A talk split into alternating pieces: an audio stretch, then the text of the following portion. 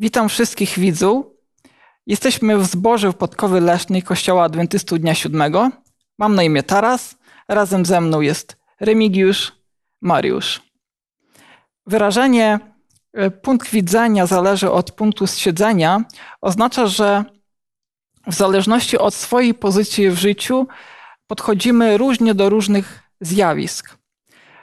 Podchodząc do interpretacji Pisma Świętego, spotykamy się e, bezpośrednio z jej interpretacją, która w większej mierze zależy od naszego wykształcenia, wychowania, położenia społecznego, kultury, języka. Nawet e, podobne zróżnicowania mogą doprowadzić do różnych wniosków Pisma Świętego, co często w historii pokazywało, że błędna interpretacja doprowadzała nawet do zła w postaci śmierci ludzi. Dzisiaj studiujemy, dlaczego interpretacja Biblii jest konieczna.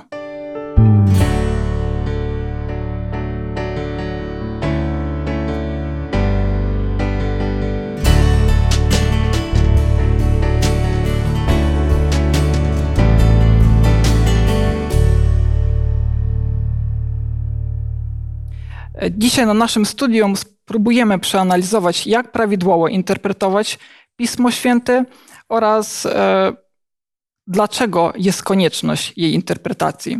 Ale zanim przejdziemy do naszego studium, pomodlimy się razem z Mariuszem.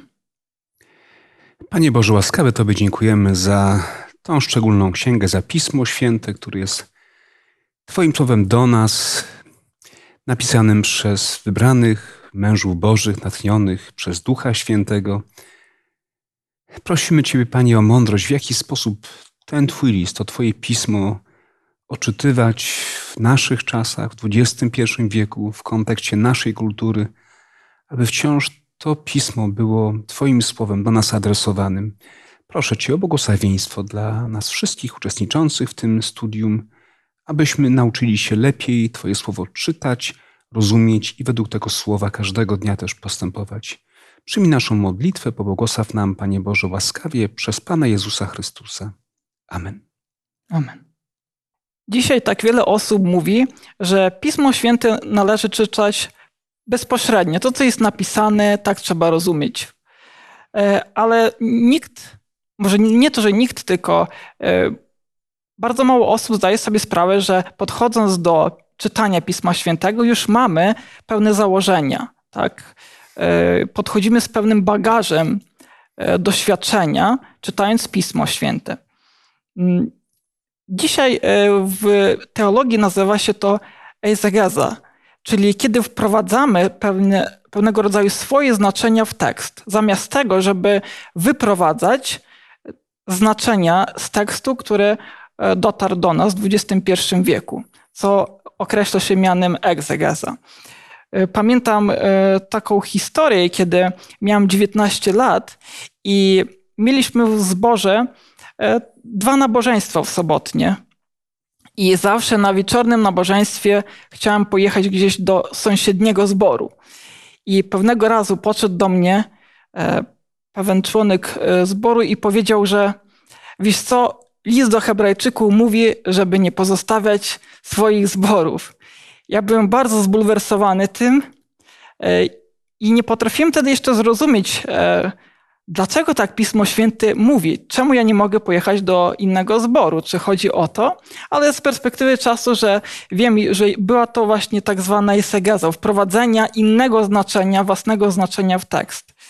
E, czy możemy podać jakieś konkretne przypadki, e, które zniekształcają znaczenia pierwotne e, Biblii tych fragmentów, które zawarte w nich? Używając Pisma Świętego, próbowano w, w przeszłości udowadniać całkowicie sprzeczne ze sobą ideologie. Pismem Świętym udowadniano słuszność niewolnictwa osób z Afryki, ale także Pismem Świętym próbowano udowodnić ideologię czarnego mesjanizmu. Także dwa bardzo przeciwstawne sposoby myślenia. Ale myślę, że na gruncie takim codziennym możemy znaleźć przykład w środowisku domowym, kiedy E, używając listu świętego Pawła do Efezjan, piątego rozdziału, próbuje się narzucać bezwzględną władzę męża nad żoną i nie, jest, nie są to odosobnione przypadki, więc faktycznie wprowadzanie swojego subiektywnego spojrzenia i próba potwierdzenia go Pismem Świętym nie jest odosobnioną praktyką. Wiele osób dzisiaj podchodzi w następujący sposób do studium Pisma Świętego. E, mają e, na myśli jakiś temat, chcą konkretnie zbadać albo odnieść się do e, swojego doświadczenia, które przeżywają tutaj, teraz i pod to doświadczenia szukają pasujących fragmentów i wersetów. I wtedy wychodzą podobne kazania, podobne rozważania, artykuły, które pomijają się z pierwotnym znaczeniem tekstu Biblii. To jest poważny problem. Myślę, że nie jesteśmy od tego wolni, tak? Nie możemy tego rozsać do innych mhm. społeczności. Czasami właśnie, a szczególnie przed obecnie, kiedy dzieją się pewne wydarzenia, mamy taką pokusę, by interpretować Pismo Święte w kontekście tego, co jest takie gorące, co nam się narzuca w naszej kulturze, w naszym otoczeniu.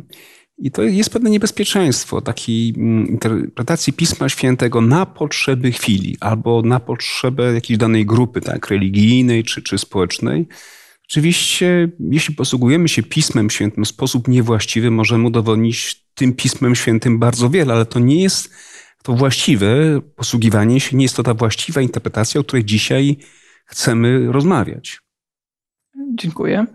Chciałbym, abyśmy przeczytali Ewangelię według świętego Łukasza, 24 rozdział od 36 do 49 wersetu. Y, a gdy to mówili, on sam stanął wśród nich i rzekł im: Pokój wam. Wtedy zatrwożyli się i pełni lęku mniemali, że widzą ducha. Lecz on rzekł im: Czemu jesteście zatrwożeni i czemu wątpliwości budzą się w waszych sercach? Spójrzcie na ręce moje i nogi moje, że to ja jestem. Dotknijcie mnie i patrzcie, wszak duch nie ma ciała ani kości, jak widzicie, że ja mam. Gdy to powiedział, pokazał im ręce i nogi.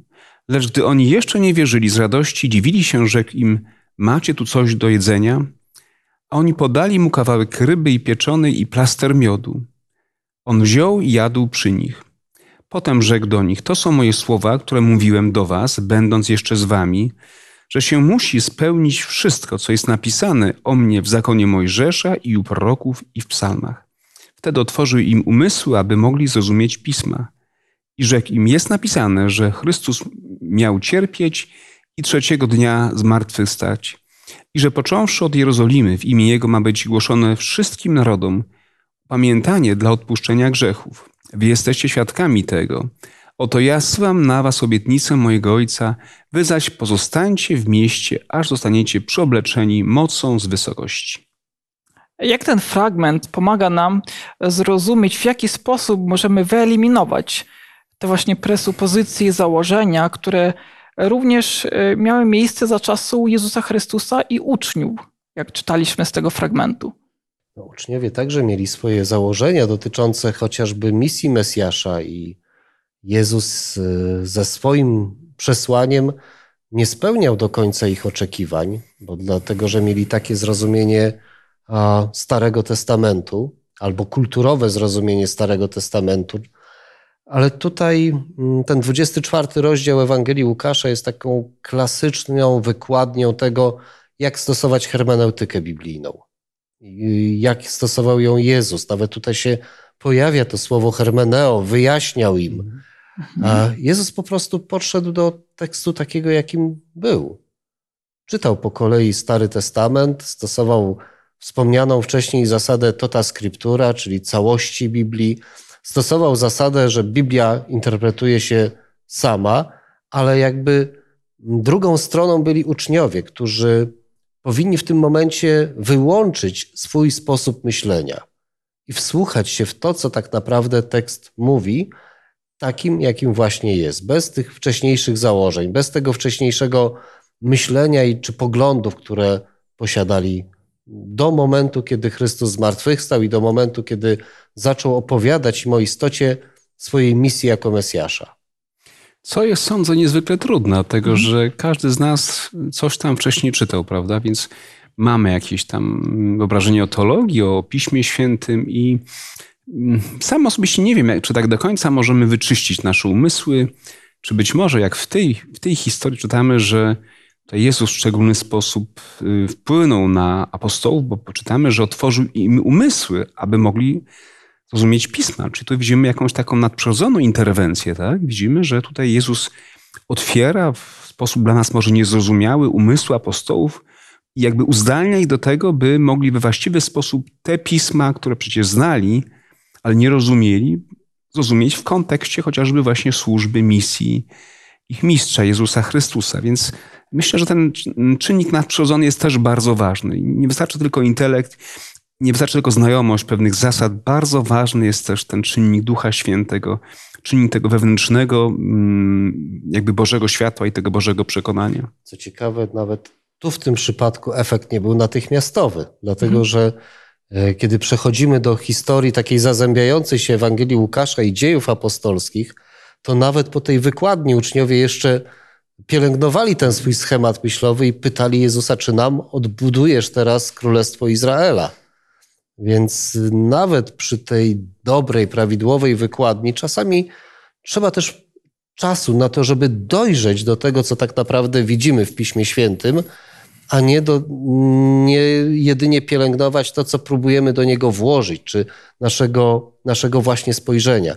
Potrzebny jest także czas na pewną refleksję, przemyślenie, dojrzenie do tego, żeby przyjąć tekst i jego przesłanie takim, jakim jest. No tak, w przypadku uczniów, uczniowie mieli bezpośredni kontakt z Jezusem i doświadczyli właśnie tej rozmowy, ta, e, tych też być może argumentów, przekonania Jezusa, które nie było, tak jak e, Mariusz tutaj powiedziałeś, zwykłym tak, e, przekonaniem, ale gdzieś tam przekonaniem od strony takiej duchowej, przekonania z, z góry. Ale co robić w momencie, kiedy my jesteśmy ludźmi XXI wieku?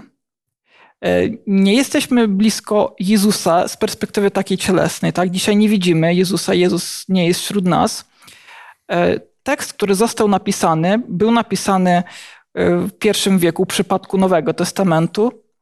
E, tak, czytamy relacje, sprawozdania, które były napisane w języku greckim, Stary Testament w hebrajskim, a część e, w aramejskim.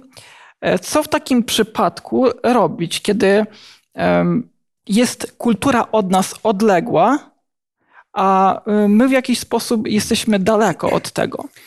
Tutaj potrzebujemy hermeneutyki, prawda? No Czyli właśnie. pewnych zasad, znajomości pewnych zasad, które pozwalają nam Pismo Święte w właściwy sposób zinterpretować, bo o tym mówi hermeneutyka. Mhm.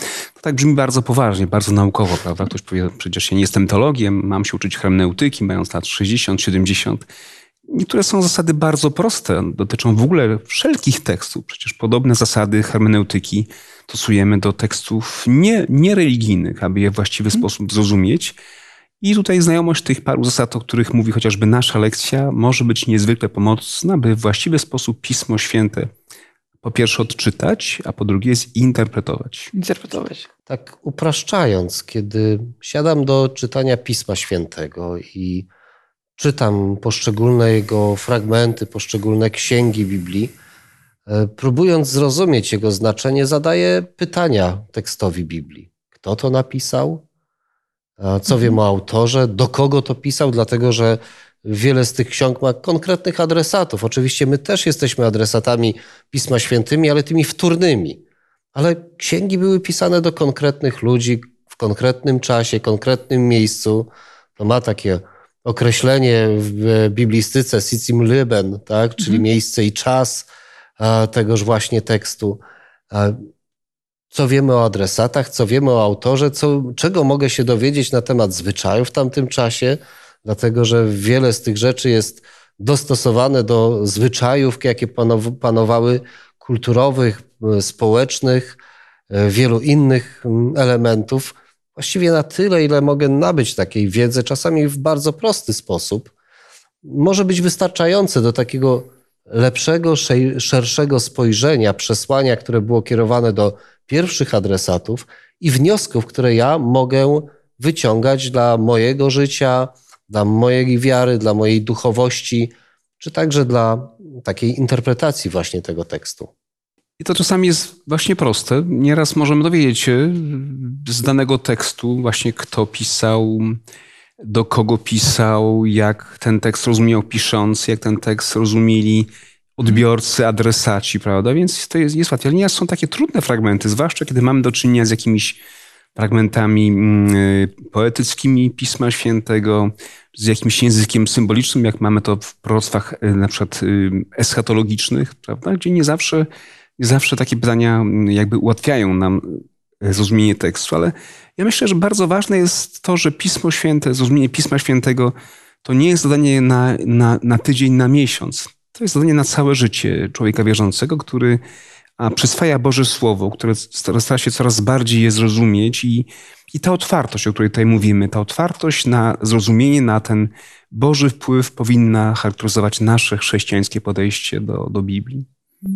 Więc niezwykle istotnym jest to, jak e, zauważyliście i zaznaczyliście, e, aby stosować e, hermeneutyki, tych sposobów interpretacji, ponieważ hermeneutyka właśnie zmierza w tym kierunku, aby mm, zdać sobie sprawę i znaleźć ten komunikat, który wychodził od autora boskiego, czyli jakie przesłanie miał autor boski w stosunku do tej pierwszej gminy chrześcijańskiej, a w naszych czasach, jako ludzi, którzy żyją w XXI wieku, najważniejsze, żeby wyprowadzić mhm. tak, to znaczenie, e, który jest, e, można powiedzieć, taki uniwersalny, ponadczasowy. Pamiętam jeszcze zajęcia ze szkoły. Nie pamiętacie też koledzy jeszcze z takie pytania, które były stawiane szczególnie przy interpretacji tekstów, lektur, czy zwłaszcza poezji, co miał na myśli tak. autor, prawda?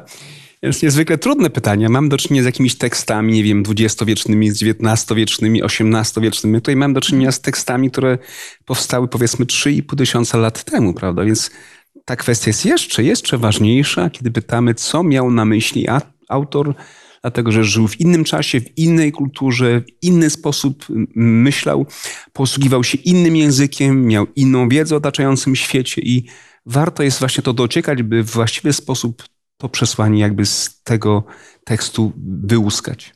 E, spotykamy się z kolejną rzeczą, która jakby wyłania się z tego sposobu interpretacji tekstu biblijnego, mianowicie z tłumaczeniami, z przekładami Biblii. E, I tutaj mnie się wydaje, e, wymaga się od ludzi, którzy zajmują się przekładem i tłumaczeniem niesamowitej też wiedzy i poświęcenia. Czytałem e, właśnie w jednej z książek, że w XVII wieku w Anglii e, wydawnictwo, które nie dodało jednego słowa w przykazaniach, e, właśnie osztrafowano i dano jej mandat na 200 funtów, co wtedy stanowiło około pół worka srebra. Więc ludzie podchodzili na bardzo na poważnie do tego, aby tłumaczyć Pismo Święte ale mamy dostępne przykłady i tłumaczenia. Jak możemy z nich korzystać? Czy mamy tutaj też e, uwzględniać jakieś, e, jakąś specyfikę? Na pewno dzisiaj mamy ogromny wybór tłumaczeń Pisma Świętego. Myślę, że te, które mm, wzbudzają największą wiarygodność, to są te, które po pierwsze sięgają do jak najbardziej wiarygodnych rękopisów Pisma Świętego.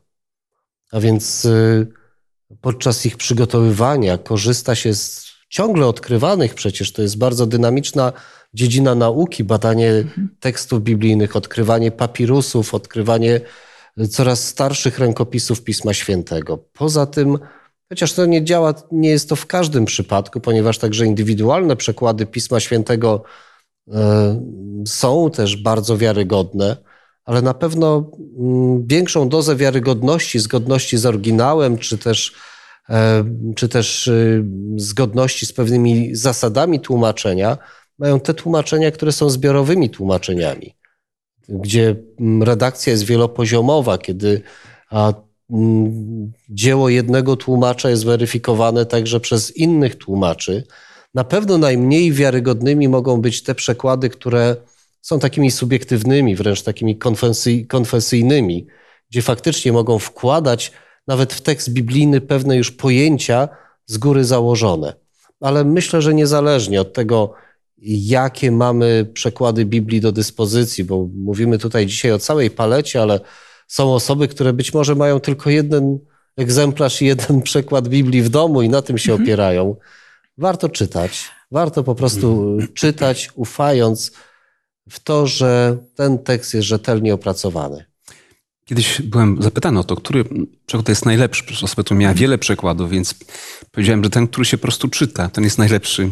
Cóż z tego, że możemy mieć pełną półkę różnych przekładów Biblii i się tym chwalić, jak faktycznie nie czytamy Biblii, nie studujemy jej w sposób rzetelny, regularny. Każdy przykład jest dobry, każdy przykład ma swoje mocne strony, czasami są jakieś tam minusy, prawda? Y, dlatego, że każdy przykład Pisma Świętego jest swoistą interpretacją. Mm, nawet jeśli autorzy starają się być bardzo obiektywni, to przecież mhm. wiele słów używanych w językach oryginalnych nie ma swoich takich bezpośrednich odpowiedników we współczesnych mhm. językach, więc mm, mm, nieraz przybliżają pewne znaczenie poprzez współczesne słowa, które nie są dokładnie e, takimi samymi słowami znaczeniowo jak, jak te oryginalne. Więc jakby dwa, dwa problemy są, znaczy takie napięcie, które z tego wynika. Po pierwsze, jedni z tłumaczy starają się oddać Biblię w taki sposób, aby była jak najbardziej zrozumiała dla współczesnego człowieka. Drudzy idą w kierunku większej, powiedzmy, mm, zgodności z oryginałem, ale przez to też czasami troszeczkę gubią, gubią, gubią ten dobry język, tą łatwość w zrozumieniu. Tu jest pewne napięcie i wydaje mi się, że są lepsze przykłady, może są troszeczkę gorsze przykłady, ale gdy mamy możliwość porównania, docieramy jakby do tego oryginalnego znaczenia. Myślę, że w krajach, w których rozwinięta nauka, e, nie ma problemu w większości e, poznać tło, historię tak narodu, e, którzy występowali w, starych, w Starym Testamencie i Nowym, tak? I, i zastosować być może te podstawowe e, narzędzia do badania Pisma Świętego, ale znam niektóre narodowości, na przykład północnej Rosji, którzy nie mają, nie mają nawet, nie potrafią zrozumieć analogii rolnictwa, które zawarte w, w Piśmie Świętym. I tutaj jest właśnie problem tego, jak przedstawić e, takim hmm. ludziom E, obraz zbawienia, który na przykład jest przy powieści o siewcy, e, przypowiadany mm. przez Jezusa Chrystusa. I tutaj jakby dochodzimy już do tego e, właśnie tego tematu Biblia i kultura, tak? Mm. Czy znamy jakieś przykłady z Pisma Świętego, które by mówiły nam o tym, że różne kulturowe środowiska wymagają również E, dopasowania przekazu Ewangelii. Może przeczytajmy jeden z takich e, dzieje apostolskie, 17 rozdział, od 16 do 32 wersetu. Czekając na nich w Atenach, obruszył się Paweł w duchu swoim na widok miasta oddanego bałwochwalstwu. Rozprawiał więc w synagodze z Żydami i z pobożnymi, a na rynku każdego dnia z tymi, którzy się tam przypadkiem znaleźli. Niektórzy zaś z filozofów epikurejskich i stoickich ścierali się z nim. Jedni mówili, cóż to chce powiedzieć ten bajarz. Drudzy, zdaje się, że jest zwiastunem obcych bogów.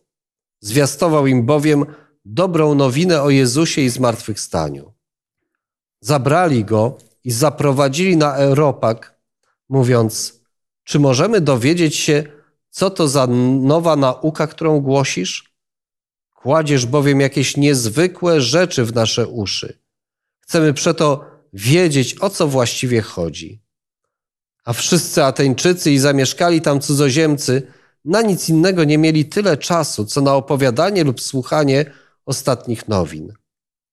A Paweł, stanąwszy pośrodku aeropagu, rzekł – Mężowie ateńscy, widzę, że pod każdym względem jesteście ludźmi nadzwyczaj pobożnymi. Przechodząc bowiem i oglądając wasze świętości, znalazłem też ołtarz, na którym napisano Nieznanemu Bogu. Otóż to, co czcicie, nie znając, ja wam zwiastuję. Bóg, który stworzył świat i wszystko, co na nim, ten, będąc Panem nieba i ziemi, nie mieszka w świątyniach ręką zbudowanych, ani też nie służy mu się rękami ludzkimi, jak gdyby potrzebował czego, gdyż sam daje wszystkim życie i tchnienie i wszystko. Z jednego bowiem pnia wywiódł też wszystkie narody ludzkie, aby mieszkały na całym obszarze ziemi, ustanowiwszy dla nich wyznaczone okresy czasu, granice ich zamieszkania, żeby szukały Boga, czy może go nie wyczują i nie znajdą, bo przecież nie jest on daleko każdego z nas. Albowiem w nim żyjemy i poruszamy, jesteśmy, jak to niektórzy z waszych poetów powiedzieli, z jego bowiem rodu jesteśmy. Będąc więc z rodu Bożego, nie powinniśmy sądzić, że bóstwo jest podobne do złota albo srebra, albo do kamienia wytworu sztuki ludzkiego umysłu. Bóg wprawdzie puszczał płazem czasy niewiedzy. Teraz jednak wzywa wszędzie wszystkich ludzi, aby się upamiętali, gdyż wyznaczył dzień, w którym będzie sądził świat sprawiedliwie, przez męża, którego ustanowił, potwierdzając to wszystkim przez wskrzeszenie go z umarłych. A gdy usłyszeli o zmartwychwstaniu, jedni naśmiewali się, drudzy zaś mówili: O tym będziemy Cię słuchali innym razem. Z jakim rodzajem kazaniem mamy tutaj do czynienia? Czy było to zwykłe kazanie, czy raczej można powiedzieć kazanie y, z zastosowaniem kontekstualizacji, czyli dopasowaniem treści Ewangelii do pewnej kultury? No właśnie z pewnością z tym drugim, dlatego że tutaj widzimy pewną umiejętność Pawła, który jest jako człowiek wykształcony znawcą prawdopodobnie kultury, nawet tutaj wydaje mi się, że zna poetów, zna filozofów e, greckich, to pewnie było częścią jego klasycznego wykształcenia.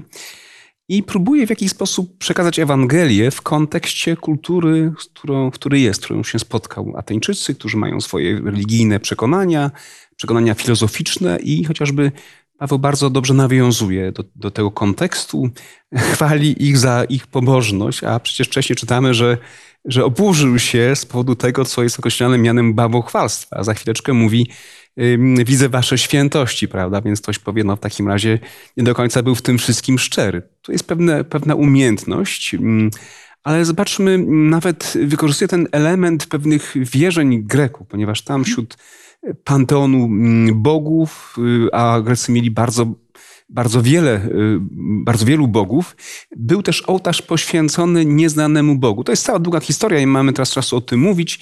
I Paweł nawiązuje, mówi, ten Bóg, którego czcicie, a którego nie znacie, to, to jest ten Bóg, o którym wam za chwilę opowiem. Więc wykorzystuję bardzo sprytnie ten kontekst, ale z drugiej strony zwróć mi uwagę, kiedy dochodzi do pewnych mm, pojęć, które były zupełnie obce Grekom, a słuchali go głównie filozofowie. Tak? Tutaj czytamy, że to byli y, stoicy epikurejscy i nagle, kiedy mówi o zmartwychwstaniu, już wyjechał jakby poza ten kontekst kultury.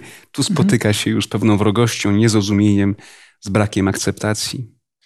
Paweł, autor kilkunastu listów, które znajdują się w Nowym Testamencie, w jednym z nich napisał, że potrafi być dla Żydów Żydem, dla Greków Grekiem i to widać także w jego twórczości, bo całkiem inny jest, inna jest mowa do Greków, a i całkowicie inaczej o tym samym pisze w momencie, kiedy jego adresatami są osobo, osoby narodowości żydowskiej. Wtedy się powołuje na Stary Testament, cytuje to.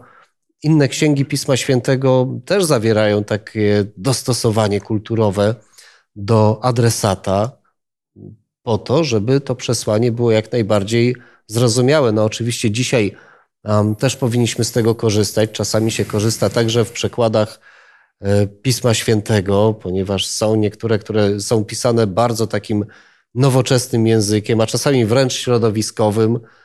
Swego czasu w Polsce powstał mm, przekład Ewangelii Jana kierowany do środowiska raperów, tak. Brzmiący bardzo, bardzo ciekawie.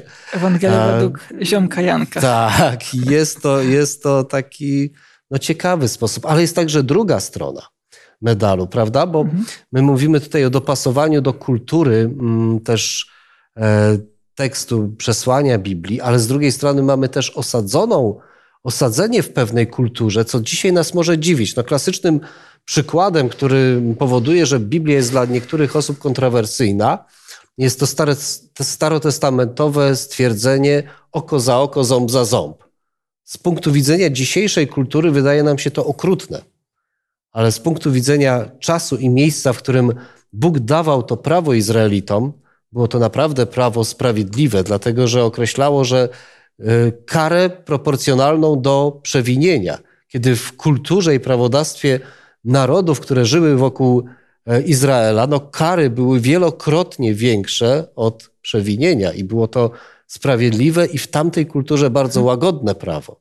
Możemy kilka takich elementów jeszcze znaleźć. No, czasami chrześcijanie toczą spory o to, czy kobiety powinny nakładać nakrycie głowy, kiedy są na nabożeństwie, opierając się na pierwszym liście do Koryntian. Ale znowu, wczytując się w kontekst kulturowy, w sytuację w danym miejscu, no niekoniecznie możemy powiedzieć, że zastosowanie tego tekstu powinno mieć miejsce poza tamto miejsce i poza tamten czas i poza tamtą kulturę.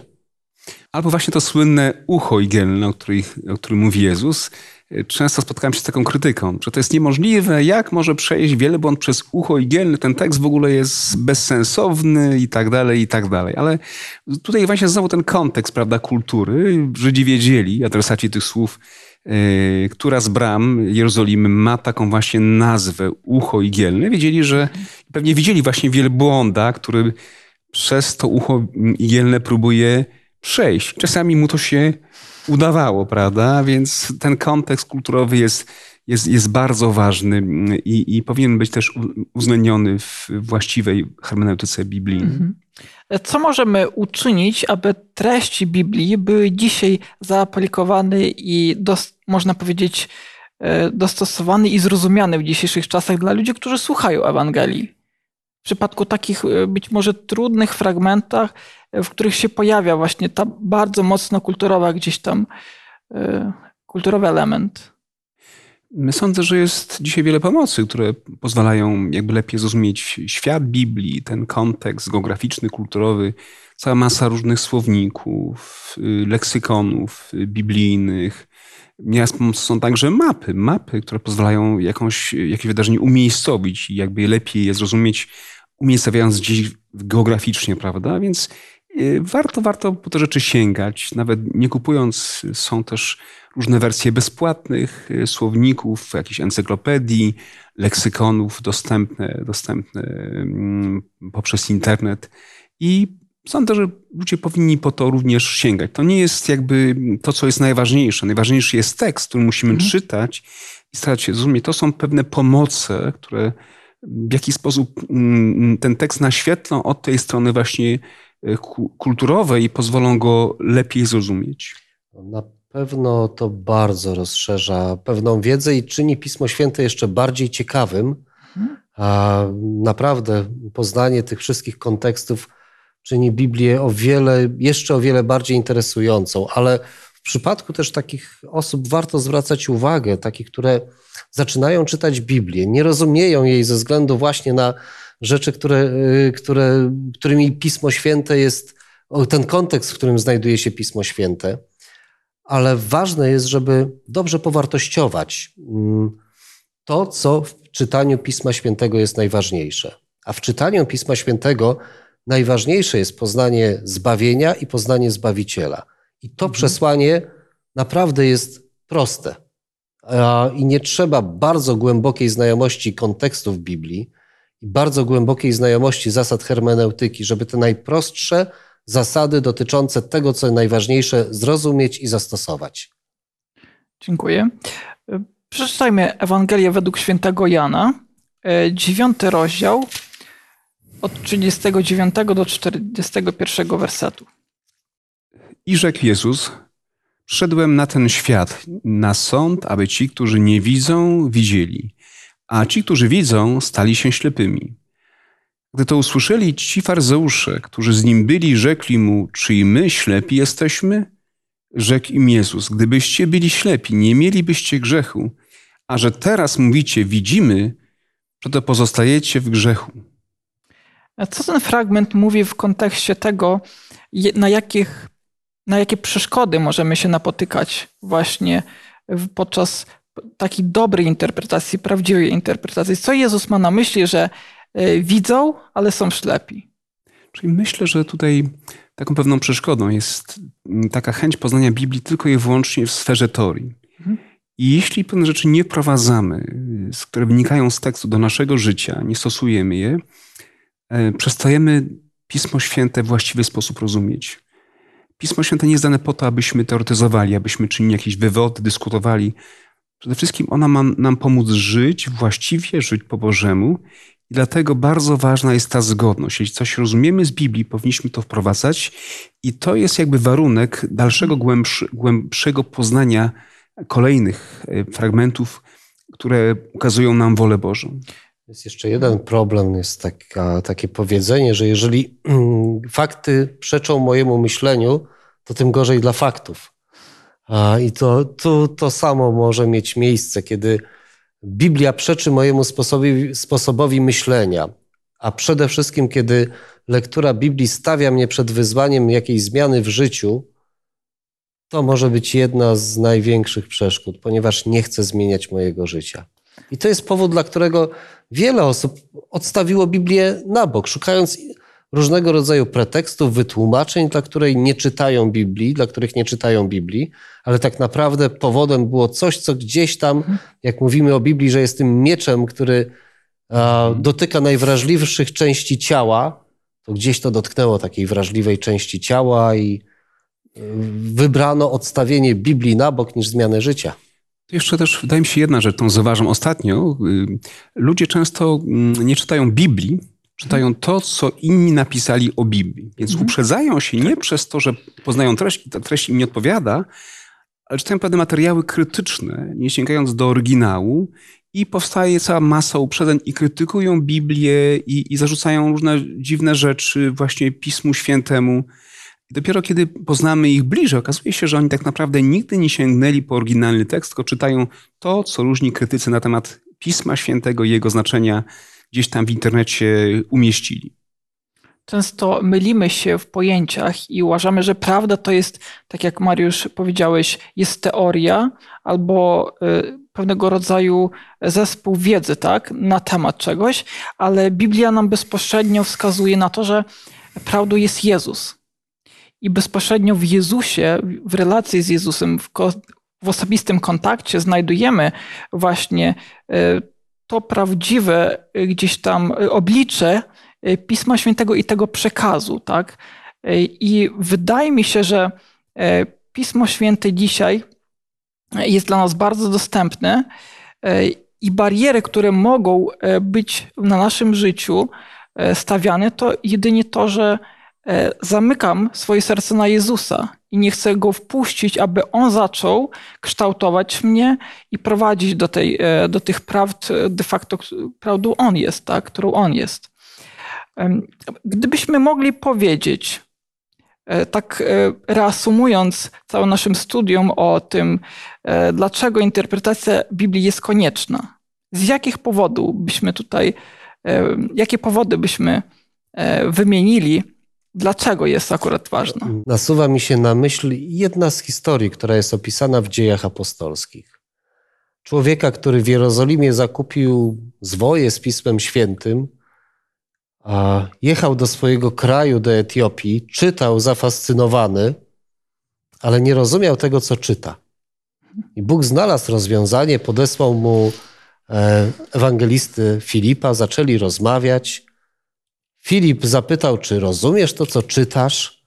I wtedy mogli zacząć rozmowę. Ten człowiek e, nieznający całego Starego Testamentu, nieznający e, całej idei Starego Testamentu, no mógł przeczytać 53 rozdział Księgi Izaasza jak poemat. Ale dopiero ktoś, kto znał ten cały kontekst Starego Testamentu, mógł mu powiedzieć o tym, co jest głównym przesłaniem tych słów, które czyta. Po to jest właśnie interpretacja Pisma Świętego. W kwestii właśnie tej, mhm. tego znaczenia praktycznego, chociażby fragment, który znalazłem z listu apostoła Piotra, drugi list, trzeci rozdział, wersety 15 i 16, gdzie czytamy a cierpliwość Pana naszego uważajcie za ratunek, jak miłowany brat nasz Paweł w mądrości, która mu jest dana, pisał do was, tak też mówi we wszystkich listach, gdzie się o tym wypowiada. Są w nich pewne rzeczy niezrozumiałe, które, podobnie jak inne pisma, ludzie niewykształceni i niezbyt umocnieni przekręcają ku swej własnej zgubie. Tutaj mamy to praktyczne znaczenie. To nie jest to, że pomylimy się, powiemy, o, pomyliłem się. Czasami e, w praktyce może to mieć bardzo złe skutki, jeśli chodzi o nasze życie duchowe, czy nawet, jak to wynika z tych słów, życie wieczne. Przekręcanie pism, niewłaściwa ich interpretacja może kosztować nas lub naszych słuchaczy tak, życie wieczne. Właśnie Mariusz, dobrze podkreśliłeś e, naszych słuchaczy. E, odpowiadamy nie tylko za siebie, nauczając i interpretując Biblię, ale również za ludzi, którzy nas słuchają. I z tego również zdajemy e, sprawę przed Bogiem i odpowiedzialność mamy przed Bogiem, interpretując Jego słowo, które dane jest, tak jak powiedziano, było już tutaj, dla zbawienia ludzi. I kiedy zamykamy błędną interpretacją drogę do zbawienia, to jest to, uważam, bardzo, bardzo mm, odpowiedzialne z naszej strony. Właśnie, niezależnie od tego, w jakiej kulturze rodzimy się, środowisku, jaki mamy status społeczny, wykształcenie, Biblia jest dostępna dzisiaj dla każdego. I myślę, że z tą myślą e, warto pozostać. Biblię można czytać e, dzisiaj, e, a głównym przesłaniem Biblii jest to, że Jezus Chrystus zmarł za nas wszystkich. Zmarł po to, aby dać nam żywot wieczny. I do tego Ciebie zachęcam, abyś korzystał z tych narzędzi, o których tutaj powiedzieliśmy, abyś zaczął studiować Pismo Święte, abyś się cieszył z lektury Pisma Świętego. Zakończymy nasze studium modlitwą. Dziękujemy Ci, Boże, za Twoje słowo. Dziękujemy Ci za to, że w różnym czasie, w różnych miejscach przemawiałeś do ludzi językiem, który był dla nich zrozumiały. Językiem prostym, językiem Ewangelii. Za to, że niezależnie od kultury, od miejsca i od czasu, każdy, kto słuchał Twojego słowa i czytał je, mógł poznać Jezusa, mógł poznać zbawienie. Dziękuję Ci, Panie, za to, że mamy Twoje słowo i dziękuję także za to, że dzięki wysiłkowi wielu ludzi zajmujących się badaniem, czytaniem, odkrywaniem różnych kontekstów, odkrywaniem znalezisk historycznych, możemy to słowo rozumieć o wiele lepiej niż tylko wtedy, gdybyśmy mieli sam jego tekst. Daj, Panie, abyśmy sięgali po Twoje słowo każdego dnia. Daj, Panie, abyśmy cieszyli się tym słowem Daj, abyśmy odkrywali w nim wspaniałe przesłania, które masz dla każdego z nas. I przede wszystkim przyjmowali to, co najważniejsze w Jego przesłaniu zbawienie, które zostało nam dane. Oto proszę Cię w imieniu Pana Jezusa. Amen. Amen. Zapraszam do kolejnego studium sezonu Jak interpretować pismo. Tym razem będziemy studiować temat dotyczący języku, tekstu i kontekstu Biblii.